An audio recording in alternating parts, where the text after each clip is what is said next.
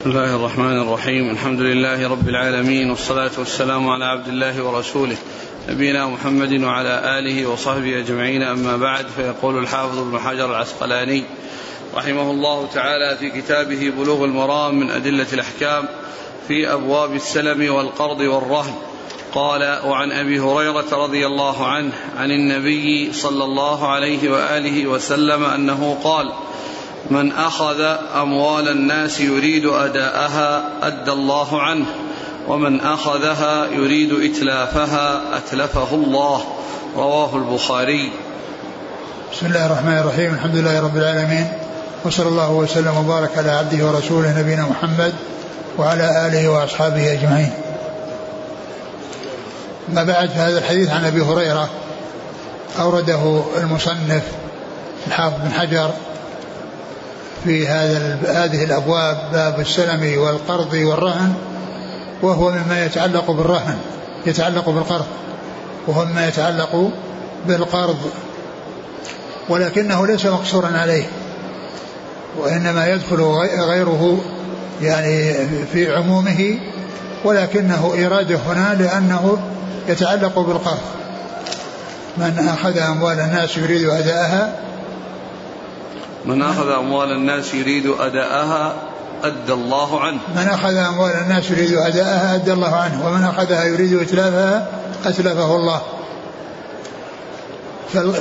فالقرض داخل فيها ويدخل في ذلك الوديعة والعارية وغير ذلك. لأنه ليس مقصورا على القرض. لأن قوله من أخذ يشمل يشمل هذه الأمور وغيرها. مما يندرج تحتها. وهذا فيه دليل على أن الإنسان عليه إذا, أخذ شيء من أموال الناس يعني سواء كان يعني عن طريق القرض أو عن طريق الوديعة أو عن طريق العارية أنه يحرص على أن يؤديها وأن يعني يحرص على سلامتها إذا كانت عارية أو وديعة. وكذلك القرض يحرص على أدائه إذا يسر الله عليه أو عند الأجل الذي يحدد له أو عند الأجل الذي يحدد له فإنه يؤديه إلى صاحبه. ومن أخذ هذه الأموال يريد أداءها فالله عز وجل يعني يجازيه بمثل ما حصل مما أراده لأنه أراد أداءها. والله عز وجل يعني ييسر له أنه يتحقق له ذلك. وفيها الجزاء من جنس العمل. الجزاء من جنس العمل. من أخذها يريد أداءها أدى الله عنه ومن أخذها يريد إتلافها أتلفه الله. ففيه ففيه أن الجزاء من جنس العمل. وأدى الله عز وجل لأن يسر له أدى الله عنه يسر له الأسباب التي تجعله يتمكن يتمكن من تحصيل يعني هذا الشيء الذي أخذه من القرض أو المحافظة على الشيء الذي استعاره أو كان وديعة عنده لأنه بنيته وحرصه ورغبته في أداء هذا الشيء الذي يعني في ذمته أو الشيء الذي جعل في يعني في عهدته أن الله عز وجل ييسر له الأسباب التي التي فيها توفيقه إياه لأن لأن يؤدي الشيء الذي عليه. وأن يخلص من تبع تبعته وأن يكون أدى ما عليه على خير. وكذلك عكسه من أخذها يريد إتلافها فإن الله تعالى يتلفه أراد إتلافها أنه ما أراد الإحسان وما أراد الخير لغيره بأخذها وإنما أرادها وهو يريد إتلافها. فإن الله عز وجل يجازيه بأن يتلفه أو يهلكه أو يعني يحصل له من من من, من الأمور التي يعني يلحقه بها ضرر بسبب ما أراده من الإرادة السيئة التي فيها تضييع أموال الناس وتفويت انتفاعهم وحصولهم على أموالهم التي وصلت إليه إما بالقرض أو بالعارية أو بالوديعه أو بغير ذلك. نعم. وعن عائشة رضي الله عنها أنها قالت: يا رسول الله إن فلانا قدم له بز من الشام فلو, فلو, بعثت فلو بعثت إليه فأخذت منه ثوبين بنسيئة إلى ميسرة فأرسل إليه فامتنع. أخرجه الحاكم والبيهقي ورجاله ثقات.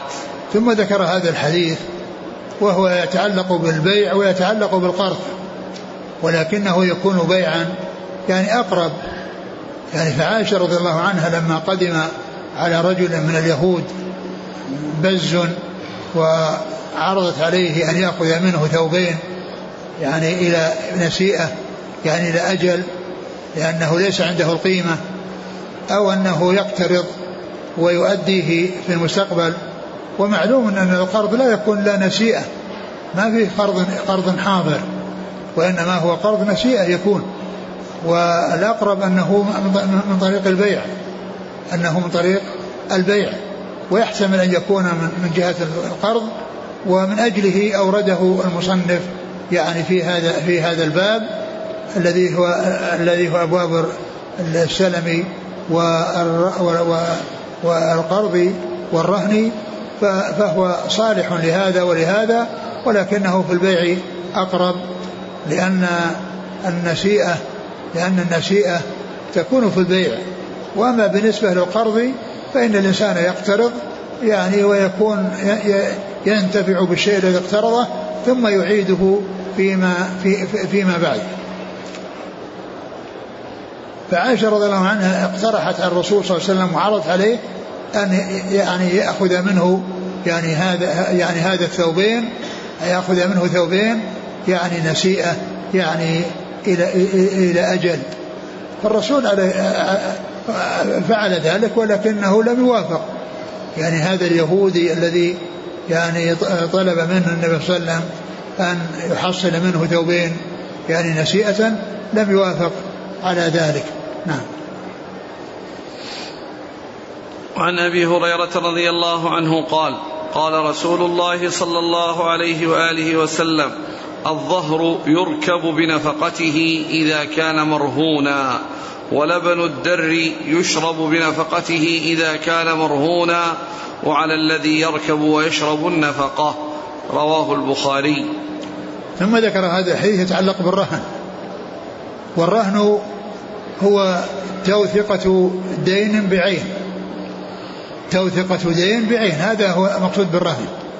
يعني الإنسان عندما يكون له دين على آخر يأخذ يعني يأخذ منه رهنا. يعني هذا الرهن توثقة للدين بحيث أنه إذا جاء وقت السداد ولم يسدد فإنه يباع.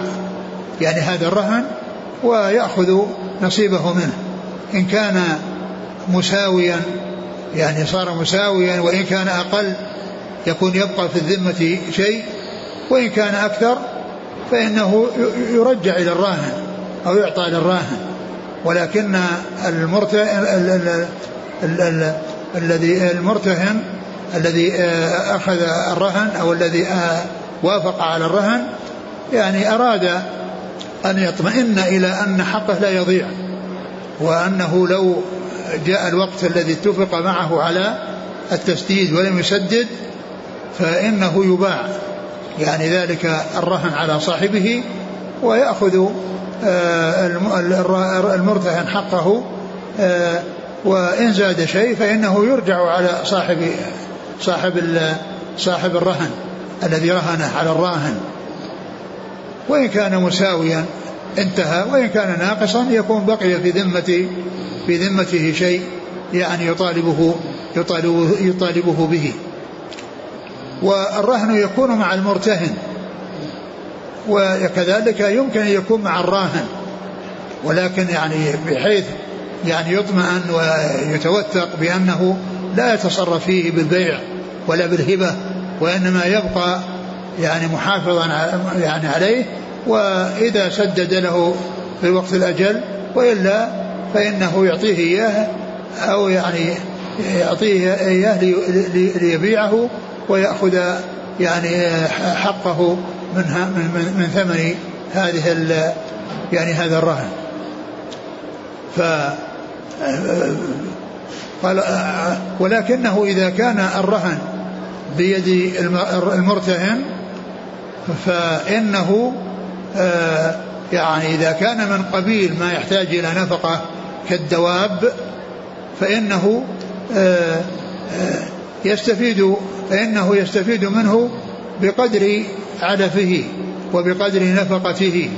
يعني معناها أن النفقة الحيوان والعبد إذا كان مملوكا يحتاج إلى نفقة ويحتاج إلى يعني شيء آه، آه، لأن حياته لا بد فيها من النفقة.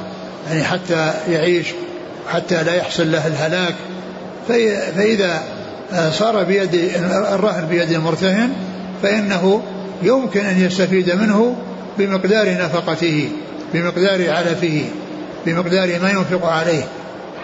ولهذا قال الظهر يركب يعني إذا كان بعيرا أو يعني أن يكون بعيرا أو حمارا أو يعني فرسا أو غير ذلك من المركوبات. يركب بنفقته إذا كان مركوبا وبدره إذا كان يعني آه، وب الظهر يركب بنفقته إذا كان مرهونا ولبن الدر يشرب بنفقته إذا كان مرهونا. ولبن الدر يشرب بنفقته إذا كان مرهونا.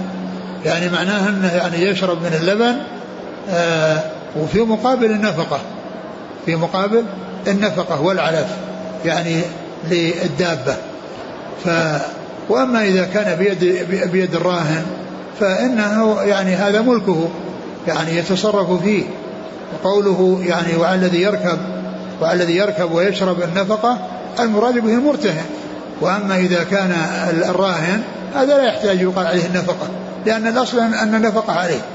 الأصل أن النفقة والعلف إنما هو على الراهن. ولكنه إذا وقع في يد المرتهن واستعمله يكون استعماله في مقابل اللبن وفي مقابل في مقابل في مقابل الركوب. الظهر أي الدابة التي يركب ظهرها ويستعمل منها يستفاد منها في الركوب يعني يركب بالنفقة. يعني هذا الركوب مقابل النفقة التي ينفقها عليه. وكذلك الحليب إذا شربه فإنه يعني يكون في مقابل النفقة. ويعني وعلى الذي يشرب ويركب النفقة أي الذي هو المرتهن. لأن هذا لا يكون في حق المرتهن. وأما الراهن فإن الأصل أن هذا أن أن النفقة واجبة عليه. ولا يحتاج إلى أن أنه يقال عليه النفقة. نعم.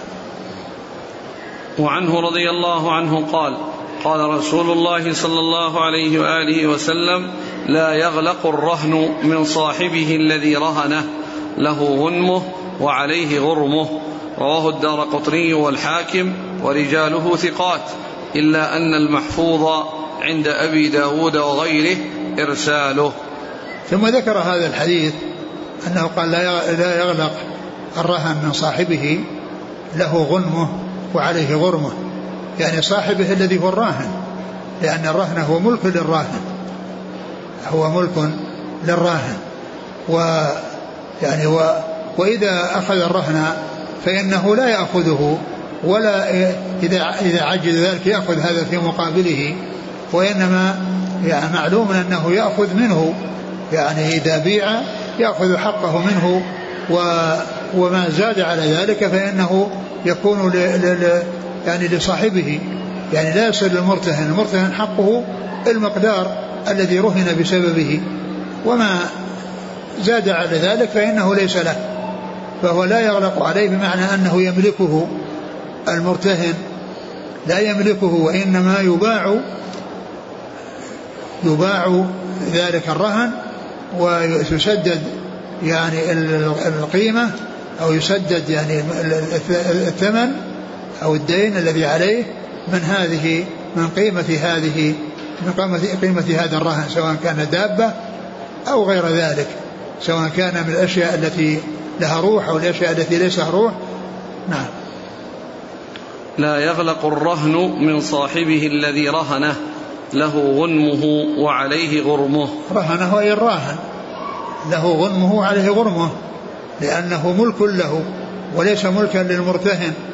ولو تلف وكان بيد الراهن فهو ضاع على حسابه وإن تلف بيد المرتهن من غير اعتداء فإنه يكون تلفه على حساب الراهن وليس على حساب المرتهن. نعم. رواه الدار قطني والحاكم ورجاله ثقات إلا أن المحفوظ عند أبي داود وغيره إرساله. يعني رجح بعض أهل العلم أنه مرسل وأنه ليس متصلا إلى رسول الله. صلوات الله وسلامه وبركاته عليه ولكنه يعني معناه صحيح من ناحية أن الرهن لا يملكه لا يملكه المرتهن بمجرد انتهاء الأجل وإنما يعني المقصود من, من منه أن يباع ويأخذ حقه منه ولا يملك نفس العين المرهونة بحلول الأجل. وعن أبي رافع رضي الله عنه أن النبي صلى الله عليه وآله وسلم استسلف من رجل بكرا فقدمت عليه إبل من إبل الصدقة فأمر أبا رافع أن يقضي الرجل بكره فقال لا أجد إلا خيارا رباعيا قال أعطه إياه فإن خيار الناس أحسنهم قضاء رواه مسلم. ثم ذكر هذا الحديث والحديث اللي بعده وهما يتعلقان بالرهن. وأدخل وأحاديث الرهن أربعة. أدخل أحاديث القرض أربعة. أدخل بينهما حديثي حديثي الرهن. وهذا الترتيب يعني يعني خلاف خلاف الأولى. لأن الذي ينبغي أن يكون الحديثان الأخيران في الرهن مع الحديثين اللي في الوسط. فتكون حديث حديث القرض أربعة متصلة. ولكنه هنا ما جعلها متصلة. جعل اثنين ثم بعدهما اثنين في الرهن ثم جاء اثنين في القرض. والترتيب المناسب أن يكون الاثنان اللذان مؤخران بعد القرض متقدمان على الرهن متقدمان على الرهن بحيث يكون حديث أربعة القرض أربعة متصلة. لأن الأحاديث في هذا الباب ستة اثنان يتعلقان بالسنة واثنان يتعلقان بالقرض وأربعة تتعلق اثنان يتعلقان بالرهن وأربعة تتعلق بالقرض. والأربعة يتعلق بالقرض فرقها وجعل حديثي الرهن بينها. هذا الحديث فيه القرض.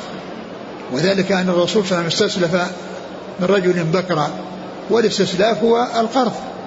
وقد سبق أن مر بنا أن السلم والسلف يعني يطلقان على ما قدم الثمن فيه وأجل المثمن على ما قدم فيه الثمن وأجل المثمن. وذكرنا في الدرس الماضي أن السلف يطلق أيضا على القرض. أن السلف يطلق على القرض كما أنه يطلق على السلم الذي هو تعجيل الثمن وتأجيل تأجيل الثمن تأجيل المثمن فهو أيضا يطلق على القرض. ولهذا قال هنا استسلف يعني اقترض. استسلف يعني اقترض. يعني بكرا يعني فتيا.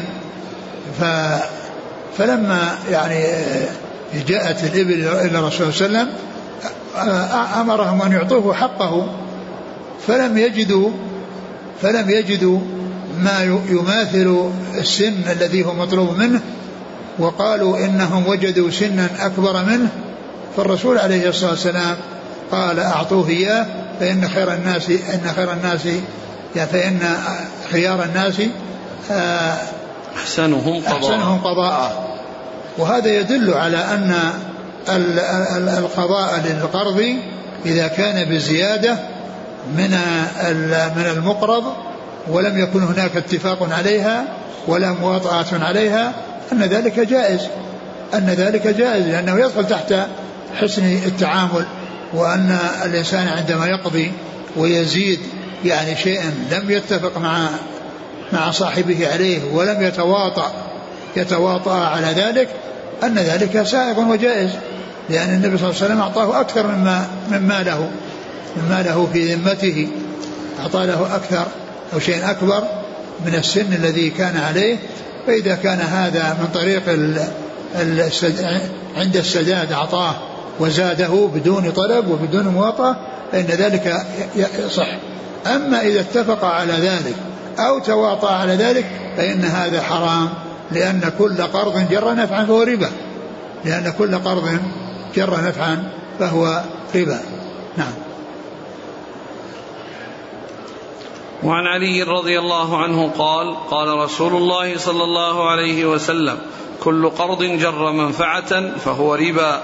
رواه الحارث بن أبي أسامة وإسناده ساقط وله شاهد ضعيف عن فضالة بن عبيد عند البيهقي وآخر موقوف على عبد الله بن سلام عند البخاري.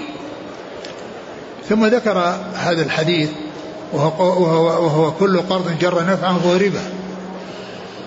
وهذا يعني هذا فيه هذا الحديث الذي ورد من طريق فيها رجل متروك وهو موسى بن عبيدة الربذي هو الذي في إسناد هذا الحديث. ف ولهذا قال الحافظ بن حجر إنه إسناده ساقط إسناده ساقط. ثم قال إن له شاهد ضعيف ولكن له يعني آه يعني شاهد موقوف يعني آه صحيح. و آه وهذا المعنى أجمع عليه العلماء.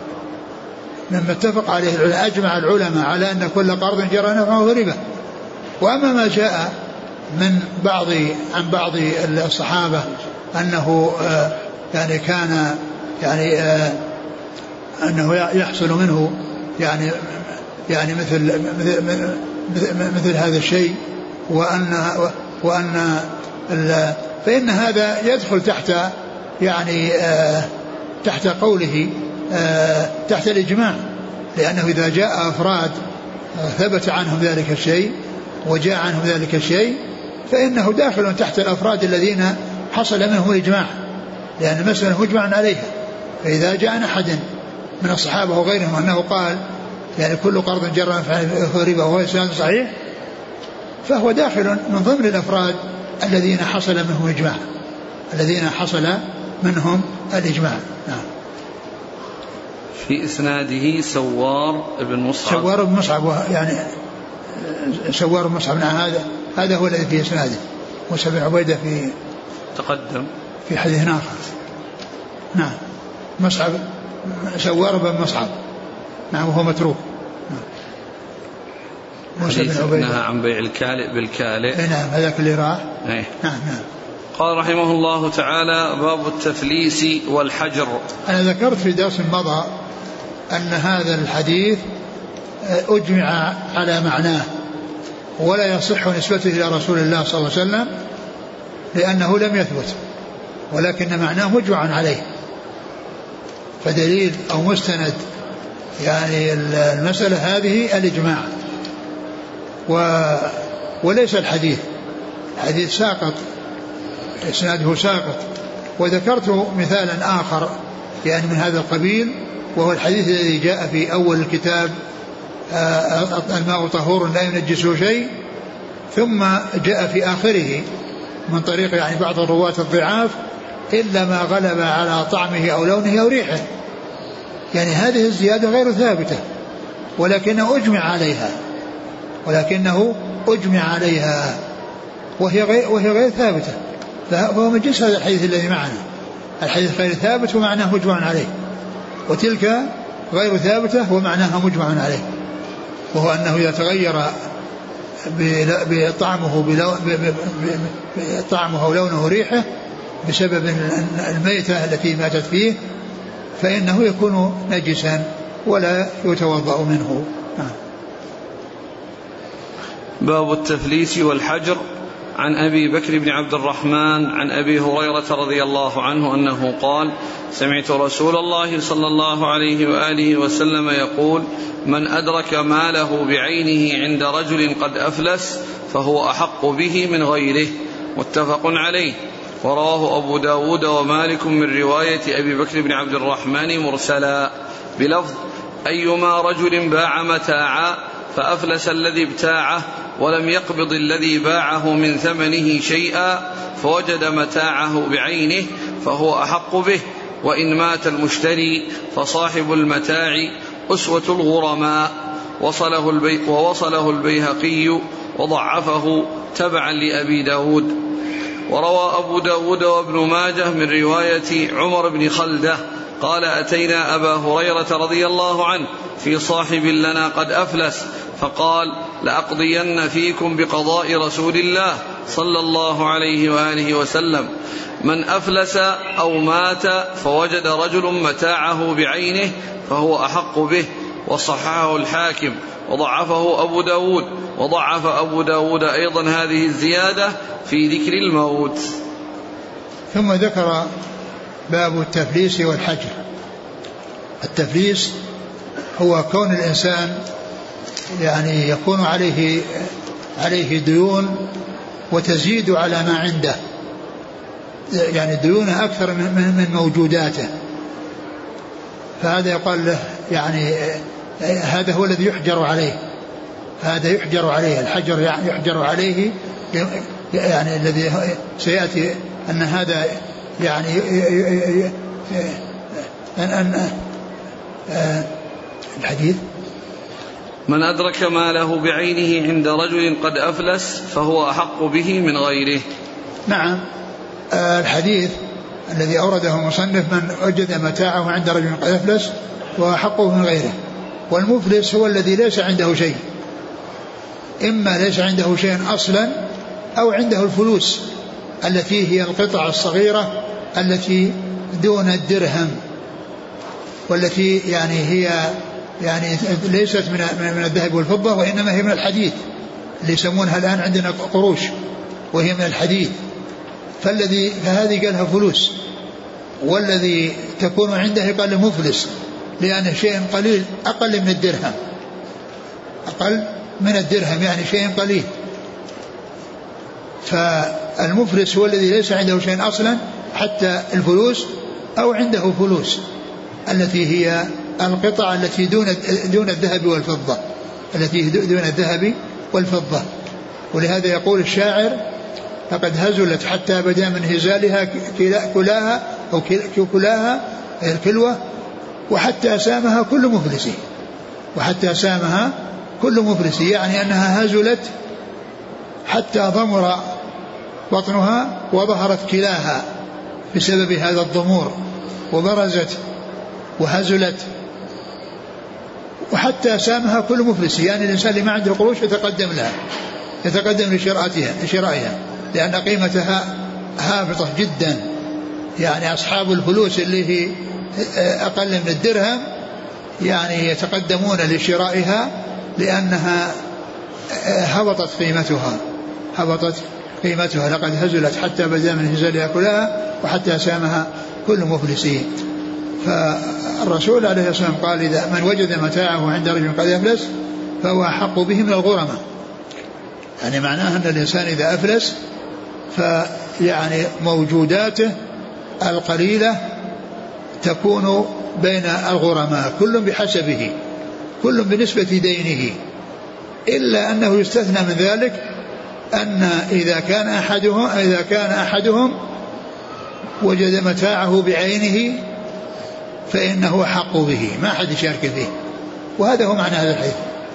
من وجد متاعه عند رجل قد أفلس وكلمة وجد متاعه عند رجل قد أفلس هذه تشمل فيما إذا كان بيعا أو كان قرضا أو كان بأي يعني شيء حصل به التملك. فإنه أحق به سواء كان هذا الموجود مستقرضا أو كان يعني عارية أو كان يعني آه، مبيعا فإنه أحق به من الغرماء. يعني معناه أنه يختص به. ما يكون يقسم على الغرماء لأن هذا هو نفس عين ماله. عين هذا عين مال هذا الدائن فيختص به دون غيره. يختص به دون غيره. وجاء في بعض الروايات أنه إذا ابتاع ثم وجد وابتاع هنا لا يعني أن الحكم مقصور في ما إذا كان بيع وأنه يخرج ما كان من غير البيع كالوديعة أو كالعارية أو غير ذلك. يعني أن أن أنه يعني لا يختص بالبيع وإنما هذا يدخل تحت القاعدة المعروفة يعني إفراد بعض أفراد العام بحكم العام لا يقصر عمومه عليه لا يقصر عمومه عليه وإنما ذكر لكونه بعض أفراده ونظيره ما جاء في الحديث الحديث اللي قال فيه صلى الله عليه وسلم الشفعة في كل شيء الشفعة في كل شيء وجاء في بعض الأحاديث الشفعة فيما لم يقسم فإذا ضربت الحدود وصرفت الطرق فلا شفعة. يعني هذا خاص بالعقار وخاص بالأراضي. ولكن حديث الشفعة في كل شيء هذه تشمل العقار وغير العقار. فإذا التنصيص على العقار لا يعني اختصاص الحكم به بل كل ما يدخل تحت ذلك سواء من الأشياء الثابتة أو المنقولة. لو أن إنسان اثنين مشتركين في سيارة وأحدهما باع فالإنسان يشفع على صاحبه على الثاني على يعني حصة صاحبه ينتزعها بالشفعة. ليس الأمر يكون خاصا فيما يتعلق بالأراضي التي قال فيها فإذا صرفت. فإن هذا من من قبيل إفراد بعض أفراد العام بحكم العام وهو لا يقصر عمومه عليه. ثم قوله رجل عند رجل قد أفلس ليس ذكر الرجل لا مفهوم له. بل المرأة لو أفلست ووجد سلعته عندها أو امرأة وجدت سلعتها عند هذه المرأة فإنها يعني آه، آه، تأخذ يعني هذا يعني هذه السلعة التي لها. فالأمر لا يعني لا يختص بالرجال وإنما يذكر الرجال لأن الغالب الخطاب معهم لأن الغالب أن الخطاب مع الرجال وليس له مفهوم.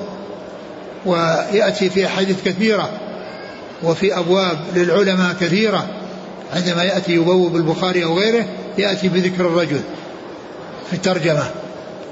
وليس المقصود الرجل يعني بخصوصه وإنما يدخل فيه الرجال ويدخل فيه النساء ولكن الغالب يكون غالب الخطاب مع النساء مع الرجال يأتي يعني بهذه آه، الطريقة. من وجد متاعه عند قال أفلس فهو أحق به من الغرماء. نعم. وفي لفظ أيما رجل باع متاعا فأفلس الذي ابتاعه ولم يقبض الذي باعه من ثمنه شيئا فوجد متاعه بعينه فهو أحق به. يعني هذا في ذكر البيع. هناك كان من وجد وهو عام في البيع وغير البيع. وهذا خاص في البيع. وهذا خاص في البيع. ومعنى ذلك أن أنه لا يقصر الحكم على البيع وإنما يبقى العام على عمومه وهذا فرد من أفراده. فلا يقصر عمومه فلا يقصر ذلك العموم لا يقصر على هذا الشيء الخاص. ولم يقبض الذي باعه من ثمنه شيئا. ولم يقبض يعني معنى ذلك أن أن الذي وجدت آه، يعني سلعته في يد المفلس لم يكن وصل إليه من الثمن شيء. من ثمن هذه السلعة. أما إذا كان وصل إليه يعني من ثمن هذه السلعة شيء فهو أسوة الغرماء. فهو يكون أسوة الغرماء لأن لأن الحق لم ينحصر في هذه السلعة وإنما يعني بعض ثمنها قد وصل إليه. بعض ثمنها قد وصل إليه. نعم. وإن مات المشتري فصاحب المتاع أسوة الغرماء. وإن مات المشتري فصاحب المتاع أسوة الغرماء.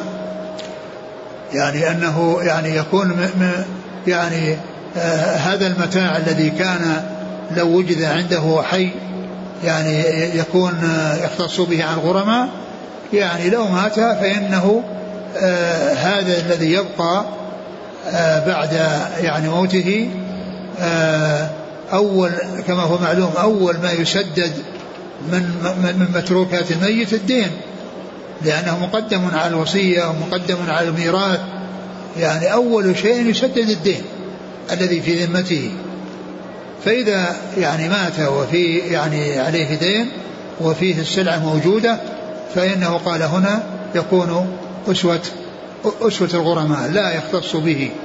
والحديث الثاني الذي بعد ذلك يعني أنه يعني إذا حصل يعني بفلس أو بموت فإنه يختص به صاحب السلعة. نعم. وفي رواية عمر بن خلدة نعم. قال أتينا أبا هريرة رضي الله عنه في صاحب لنا قد أفلس فقال لأقضين فيكم بقضاء رسول الله صلى الله عليه وسلم. من أفلس أو مات فوجد رجل متاعه بعينه فهو أحق به. يعني أن أنه لا فرق بين حالة الحياة وحالة الموت. يعني إذا أفلس الإنسان فإن صاحب المتاع يعني أولى به.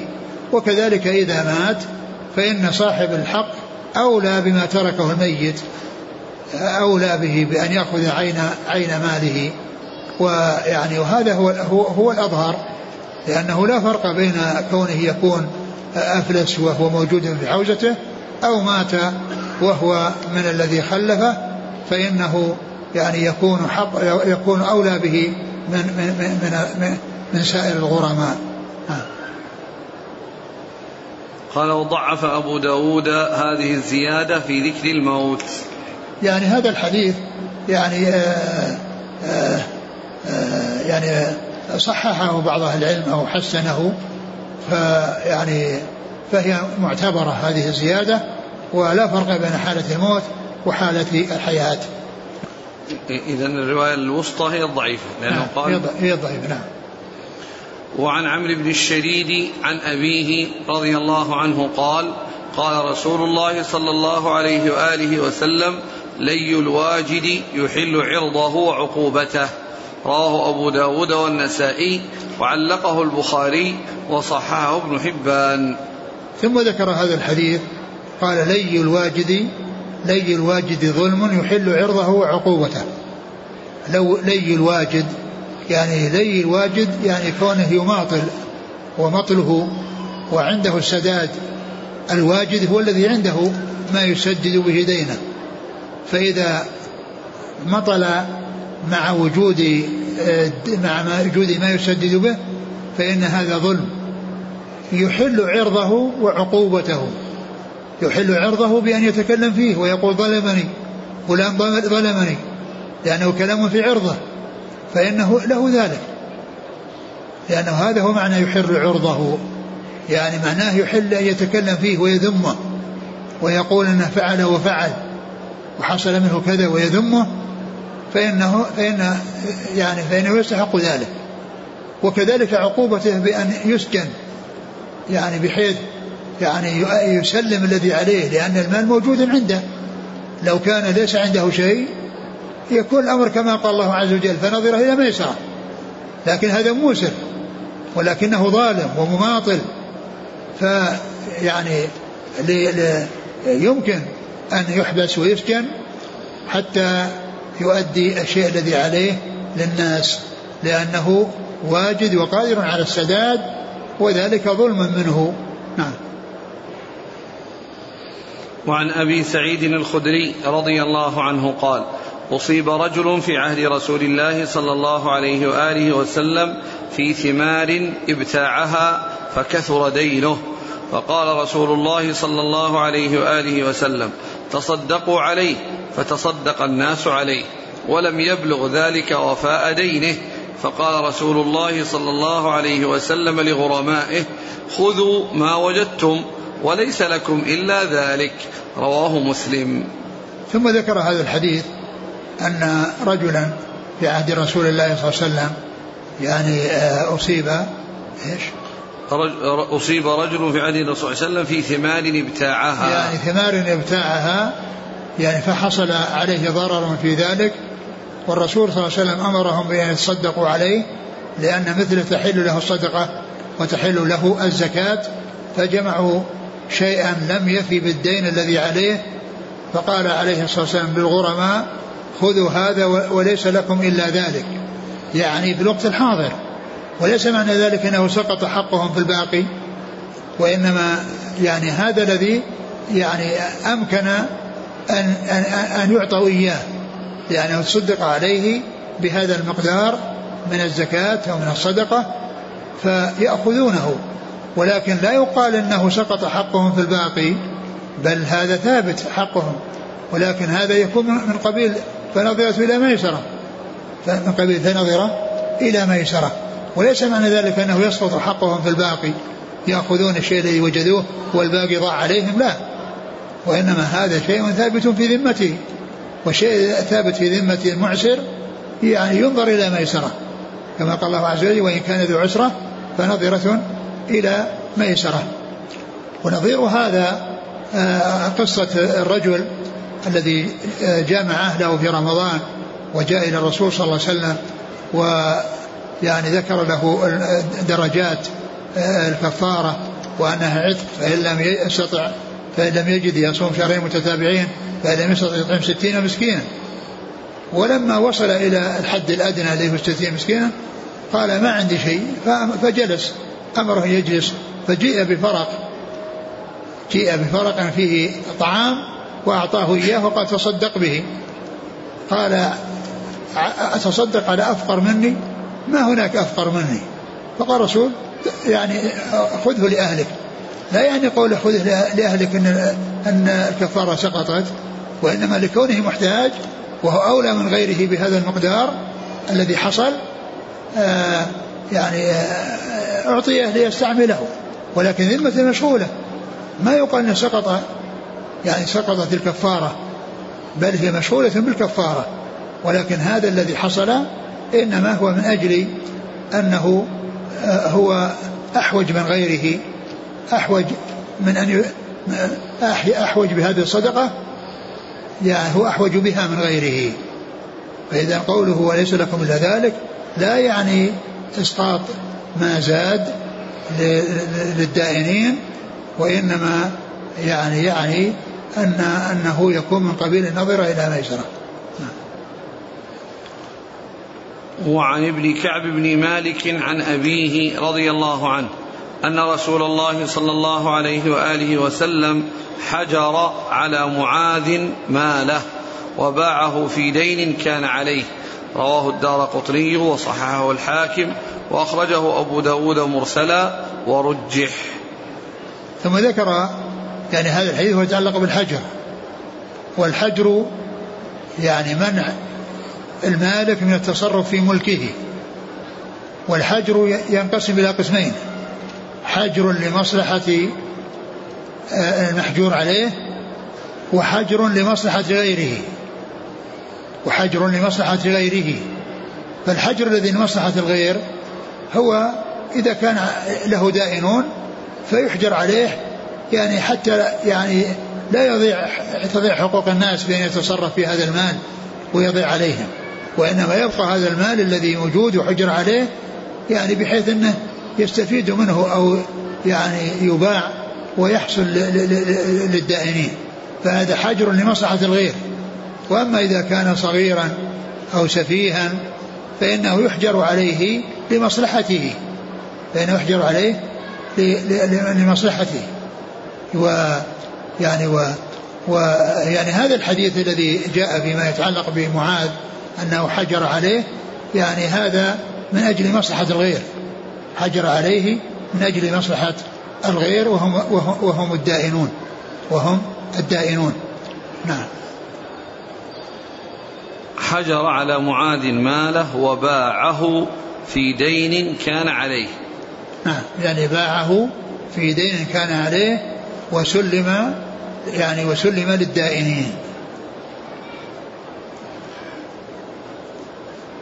في مثل هذه الحالة الآن إذا حجر لمصلحة الغير يعني يمنع من ماله كله أو يبقى له شيء من لا يبقى له شيء يأكله يعني من حيث النفقة يعني ينفق على نفسه لا يعني يبقى بدون أكل وشرب.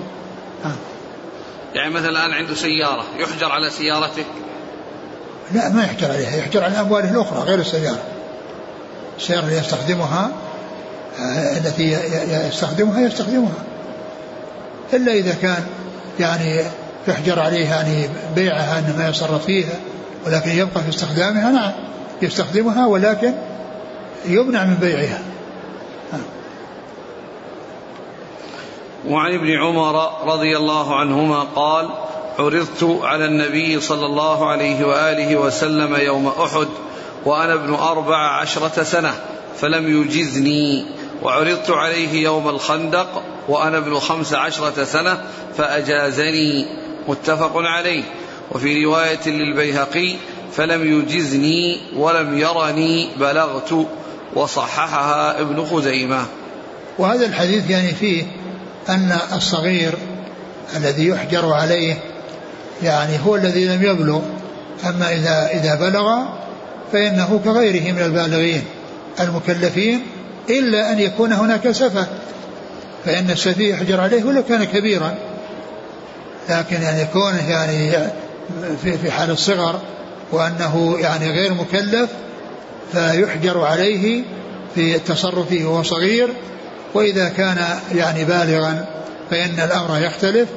وهنا يعني فيه بيان سبب من أسباب البلوغ لأن البلوغ له أسباب. يعني إما يعني أن ينبت له شعر حول القبل في قبله أو يعني يحصل له احتلام ولم وهو لم يصل إلى خمسة عشر سنة أو المرأة تحيض وهي لم تصل إلى خمسة عشر سنة فإن كل هذه يعتبر فيها البلوغ ولو لم يصل إلى خمسة عشر سنة. لكن إذا ما حصل شيء من هذه الأمور وبلغ خمسة عشر سنة فإنه عند ذلك حصل البلوغ. حصل البلوغ بالسنين. وصار مكلفا بحصول هذا العدد وبلوغه هذا المقدار الذي هو خمسة عشرة سنة.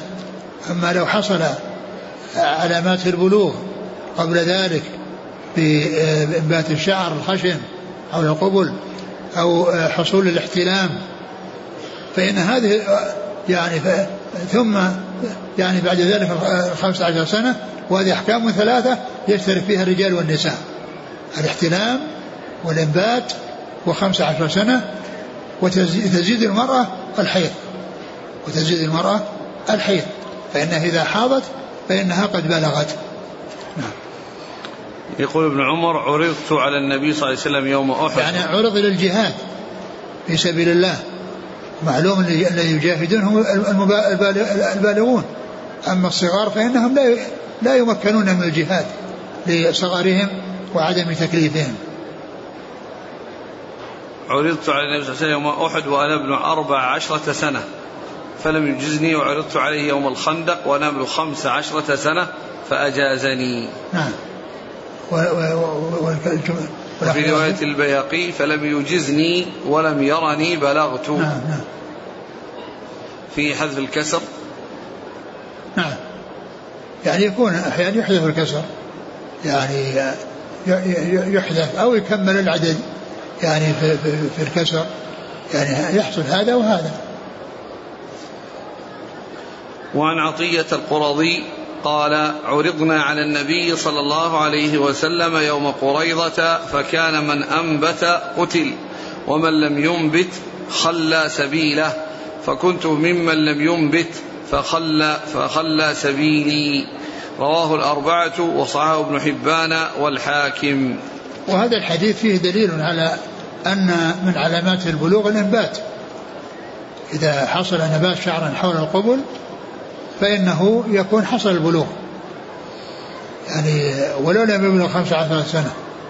ولهذا بني قريظة لما حكى لما حصل الحكم من سعد بن معاذ ب يعني بقتل المقاتلة وإبقاء الذرية أي الذين لم يبلغوا صاروا يعني يفتشون يعني عن عاناتهم فمن رأوه أنبت قتلوه ومن رأوه لم ينبت تركوه. نعم. وعن عمرو بن شعيب عن أبيه عن جده رضي الله عنه أن رسول الله صلى الله عليه وآله وسلم قال لا يجوز لامرأة عطية إلا بإذن زوجها. وفي لفظ لا يجوز للمرأة أمر في مالها إذا ملك زوجها عصمتها رواه أحمد وأصحاب السنن إلا الترمذي وصححه الحاكم.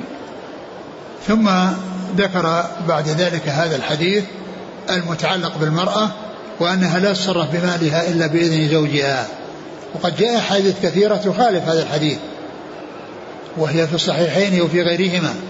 ومنها الحديث المتفق على صحته أن الرسول صلى الله عليه وسلم لما لما خطب الناس يوم العيد ذهب إلى النساء ووعظهن وذكرهن وقال يا معشر النساء إني أريدكن أكثر أهل النار فتصدقنا فجعلنا يلقين في يعني في ثوب بلال من أقراطهن وخواتيمهن.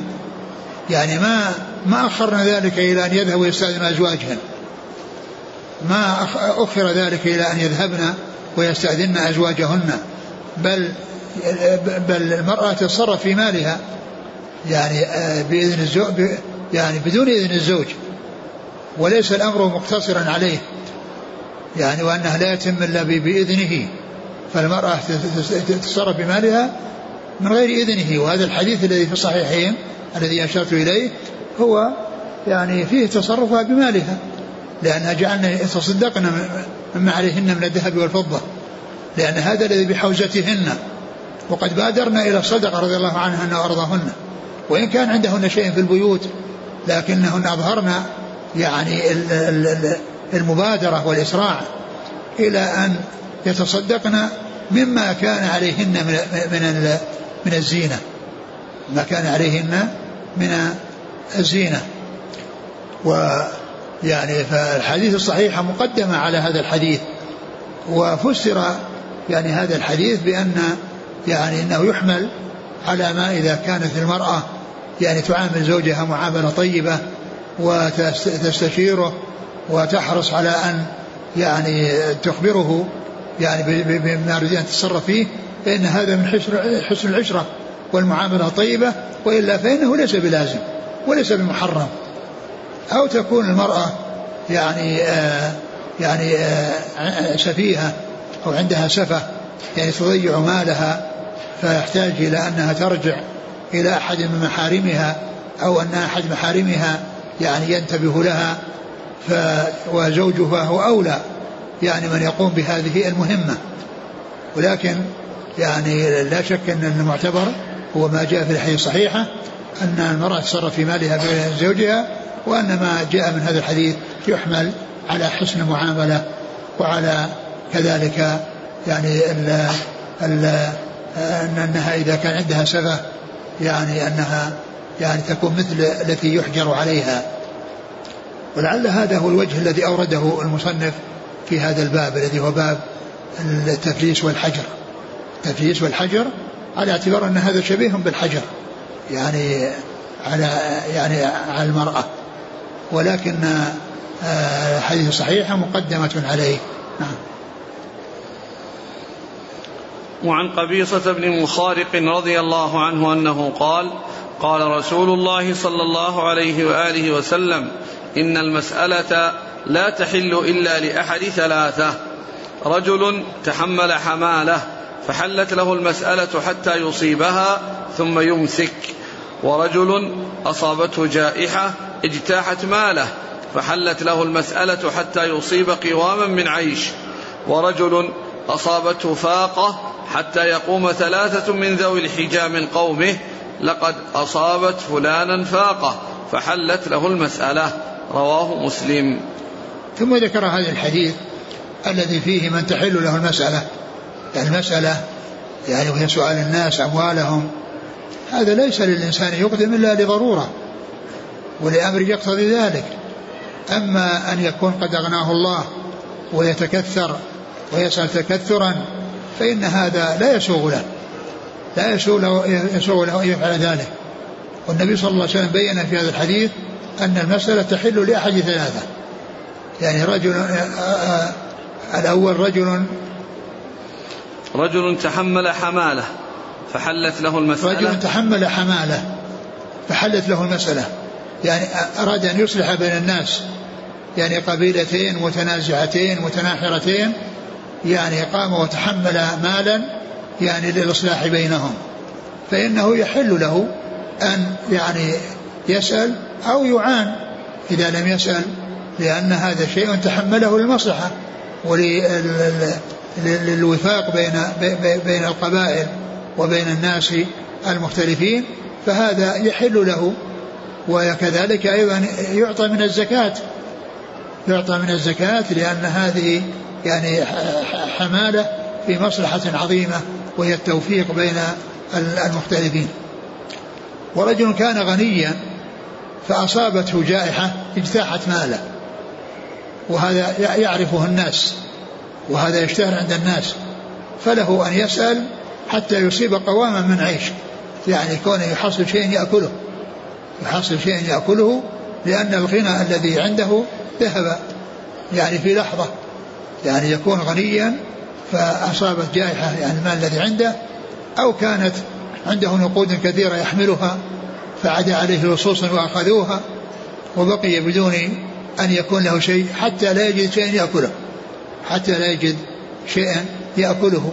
فهذا آه يعني فهذا يعني ال آه آه قال إيش؟ رجل أصابته جائحة اجتاحت ماله فحلت له المسألة حتى يصيب قواما من عيش. نعم. قواما قواما يعني ما يحصل به يعني إقامة يعني بدنه وإقامة من يعول نعم ورجل أصابته فاقة حتى يقوم ثلاثة من ذوي الحجى من قومه لقد أصابت فلانا فاقة فحلت له المسألة يعني الأول الذي هو غني يعني الجائحة حصلت ويكون هذا مشهور عند الناس فهذا لا يحتاج إلى شهود. غني افتقر في لحظة. وأما الثاني آه الثالث آه أصابته فاقة يعني حاجة فلا يكفي. الثالث من الأصناف الذي آه الذي آه أصابته فاقة ولم يكن غنيا افتقر وما كان يعرف بالغنى ولكنه معروف بالفقر.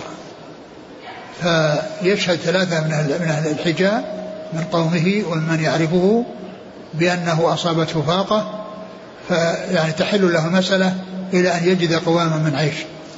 ولا يعني ذلك أنه يعني أنه يستمر حتى يعني يستمر حتى يكون غنيا بسبب يعني هذه الشهادة. وإنما من أجل أنه حلت له المسألة ولكن لا يستمر فيها. وكذلك الغني لا يستمر حتى يرجع إليه غناه وإنما حتى يحصل قوام من عيش. فإذن هؤلاء الأصناف الثلاثة الصنف الأول يتحمل حماله يعني حتى يحصل له سداد هذا التحمل وعند ذلك يمسك. والثاني الذي كان غنيا افتقر ولا يحتاج إلى شهود وإنما هذا شيء مشهور يعني حتى يصيب قواما من عيش. لا إلى أن يحصل له الغنى الذي فقده. وكذلك الثالث الذي آه، كان فقيرا وشهد نعم. كان غنيا. لا ثالث. ورجل أصابته فاقة. أصابته فاقة يعني فقر يعني شديد. ما يقال أنه غني. لأن هذاك غني والناس يعرفونه ولا يحتاج إلى شهود. وأما هذا أصابه فاقة يعني وحاجة شديدة وما كان معروفا بالغنى فلا يكفي أن يقول أنني محتاج وإنما يشهد له شهود يعني يذكرون بأن به فاقة. فيسأل إلى أن يحصل شيئا قواما من عيش. وما عدا هذه الثلاثة التي أشار إليها ذكر الرسول صلى الله عليه وسلم فذلك سحت كما قال ذلك رسول الله عليه الصلاة والسلام. وهذا يدل على تحريم المسألة إلا للحاجة التي تدعو إلى ذلك وهي هذه الأمور الثلاثة التي جاءت في هذا الحديث عن رسول الله صلى الله عليه وسلم. وهؤلاء الآن تحل لهم الزكاة. لو أن إنسان دفع زكاة المفروضة لهؤلاء الثلاثة تصح نعم. إلا أن إلا أن هذا الذي يعني بعض الناس الذي له شهادة هذا نعم هذا أمر مثل الأولين لكن مثل ما يحصل في هذا الزمان. يأتي أناس يعني يعني يدعون الفقر ويجولون على الناس. يعني مثل هذا يعني ما ينبغي أن يعطوا من الزكاة يعطونا من التطوع يعطونا من الصدقة. وأما الزكاة يعطيها لمن يعرف أنه فقير. لأن الرسول عليه الصلاة والسلام قال آه، يعني ليس المسكين الذي ترده اللقمة واللقمتان والأكلة والأكلان وإنما الفقير الذي لا يعني يجد غنى, غنى ولا يفطن له فيتصدق عليه. باب الصلح. نعم قال رحمه الله تعالى باب الصلح. عن عمرو بن عوف المزني رضي الله عنه أن رسول الله صلى الله عليه وسلم قال الصلح جائز بين المسلمين إلا صلحا حرم حلالا وأحل حراما. والمسلمون على شروطهم إلا شرطا حرم حلالا وأحل حراما. رواه الترمذي وصححه وأنكروا عليه لأن راويه كثير بن عبد الله بن عمرو بن عوف ضعيف وكأنه اعتبره بكثرة طرقه وقد صححه ابن حبان من حديث أبي هريرة. والله تعالى أعلم وصلى الله وسلم وبارك على عبده ورسوله نبينا محمد وعلى آله وأصحابه أجمعين. جزاكم الله خيرا وبارك الله فيكم ألهمكم الله الصواب ووفقكم للحق. شفاكم الله وعافاكم ونفعنا الله بما سمعنا وغفر الله لنا ولكم وللمسلمين أجمعين آمين. يقول فضيلة الشيخ حفظك الله من أعطاني أموال زكاة لأدفعها إلى أحد المستحقين فأخذتها لنفسي لأني مستحق للزكاة فماذا علي؟ لا تفعل ذلك إلا إذا أخبرت صاحب الزكاة بأنك مستحق لها ووافق على أنك تأخذها أو تأخذ ما منها ما شاء فإن هذا يعني يحل لك. أما كونك تأخذها قال أعطاك إياها تعطيها مستحقين ثم أنت تستأثر بها ويعني تأخذها فلا, فلا, فلا يصلح أن تفعل هذا وإنما ترجع إليه وتخبره. إما أن يعطيك لنفسك ويجعل ذاك الذي وكلك فيه باق على الوكالة أو أنه يعني لا يأذن لك. وإنما آه، يريد منك أن تعطيه إلى إلى غيرك. وإن قال خذ منه كذا أو خذه كله أو أعطاه شيئا وقال أعطي الباقي لغيرك كل ذلك صحيح. يقول شيخنا الفاضل قمنا في ليبيا بإنشاء هيئة الأمر بالمعروف والنهي عن المنكر. آه، وهناك شباب لم يتعاونوا مع هذه الهيئة بحجة أنها لا تتبع لوزارة الداخلية بل تتبع وزارة الثقافة. فما توجيهكم؟ حفظكم الله. إذا كانت وزارة الثقافة وهي جهة مسؤولة يعني أنشأت مثل هذا أو أقرت مثل هذا فشيء طيب. لأنه لا يلزم أن يكون يعني من جهات أخرى أو جهات معينة توافق عليه فإذا كانت جهة مسؤولة يعني يعني في الدولة ولم يحصل منع من الدولة لهذا ما في بأس. يسأل يقول هل تجب المتعة لكل مطلقة؟ هذا هو الأصل. الأصل أن المطلقات لهن المتعة. نعم. هل يجوز للشخص أن يعمل بأكثر من وظيفة في الدولة وكل وظيفة لها مجالها المستقل؟ إذا كانت الدولة موافقة على هذا وهي يعني أعطت الوظيفتين فالإنسان يفعل. اقترضت مالا من شخص واتفقنا أنني أرجعه له إذا تيسر الأمر. فهل يصح الإطلاق وعدم تعيين وقت للرد الاسترداد نعم القرض لا يلزم فيه الأجل أو ذكر أجل. الأجل يكون في البيع. وأما القرض لا يحتاج إلى أجل. ولكن إن أجل لا بأس. الأصل فيه عدم التأجيل. وإن أجل فلا بأس. يقول ما حكم تخصيص مكان صالة للتعازي والأفراح والمناسبات العادية خاصة بالرجال ومع العلم بأنه يحصل في هذه الصالة أحيانا شرب للدخان وفيها غيبة حيث قام أبناء قبيلتي ببناء هذه الصالة للمناسبات ولم نشاركهم في ذلك ولم ندفع معهم المال فتكلموا فينا فما رأيكم؟ أما ما يتعلق في العزاء والإجتماع للعزاء في صلاة أو غير صلاة هذا غلط. لا يصح ولا يسوق. يعني كون الناس يستأجرون أماكن للعزاء أو يقيمون مخيمات للعزاء كل هذا من الغلط. ولا يسوق مثل ذلك. وأما يعني استعمال يعني استعمالها في أمور مباحة كالزواج أو اجتماعات يعني فيها مصلحة فإن ذلك لا بأس به. أعيد السؤال.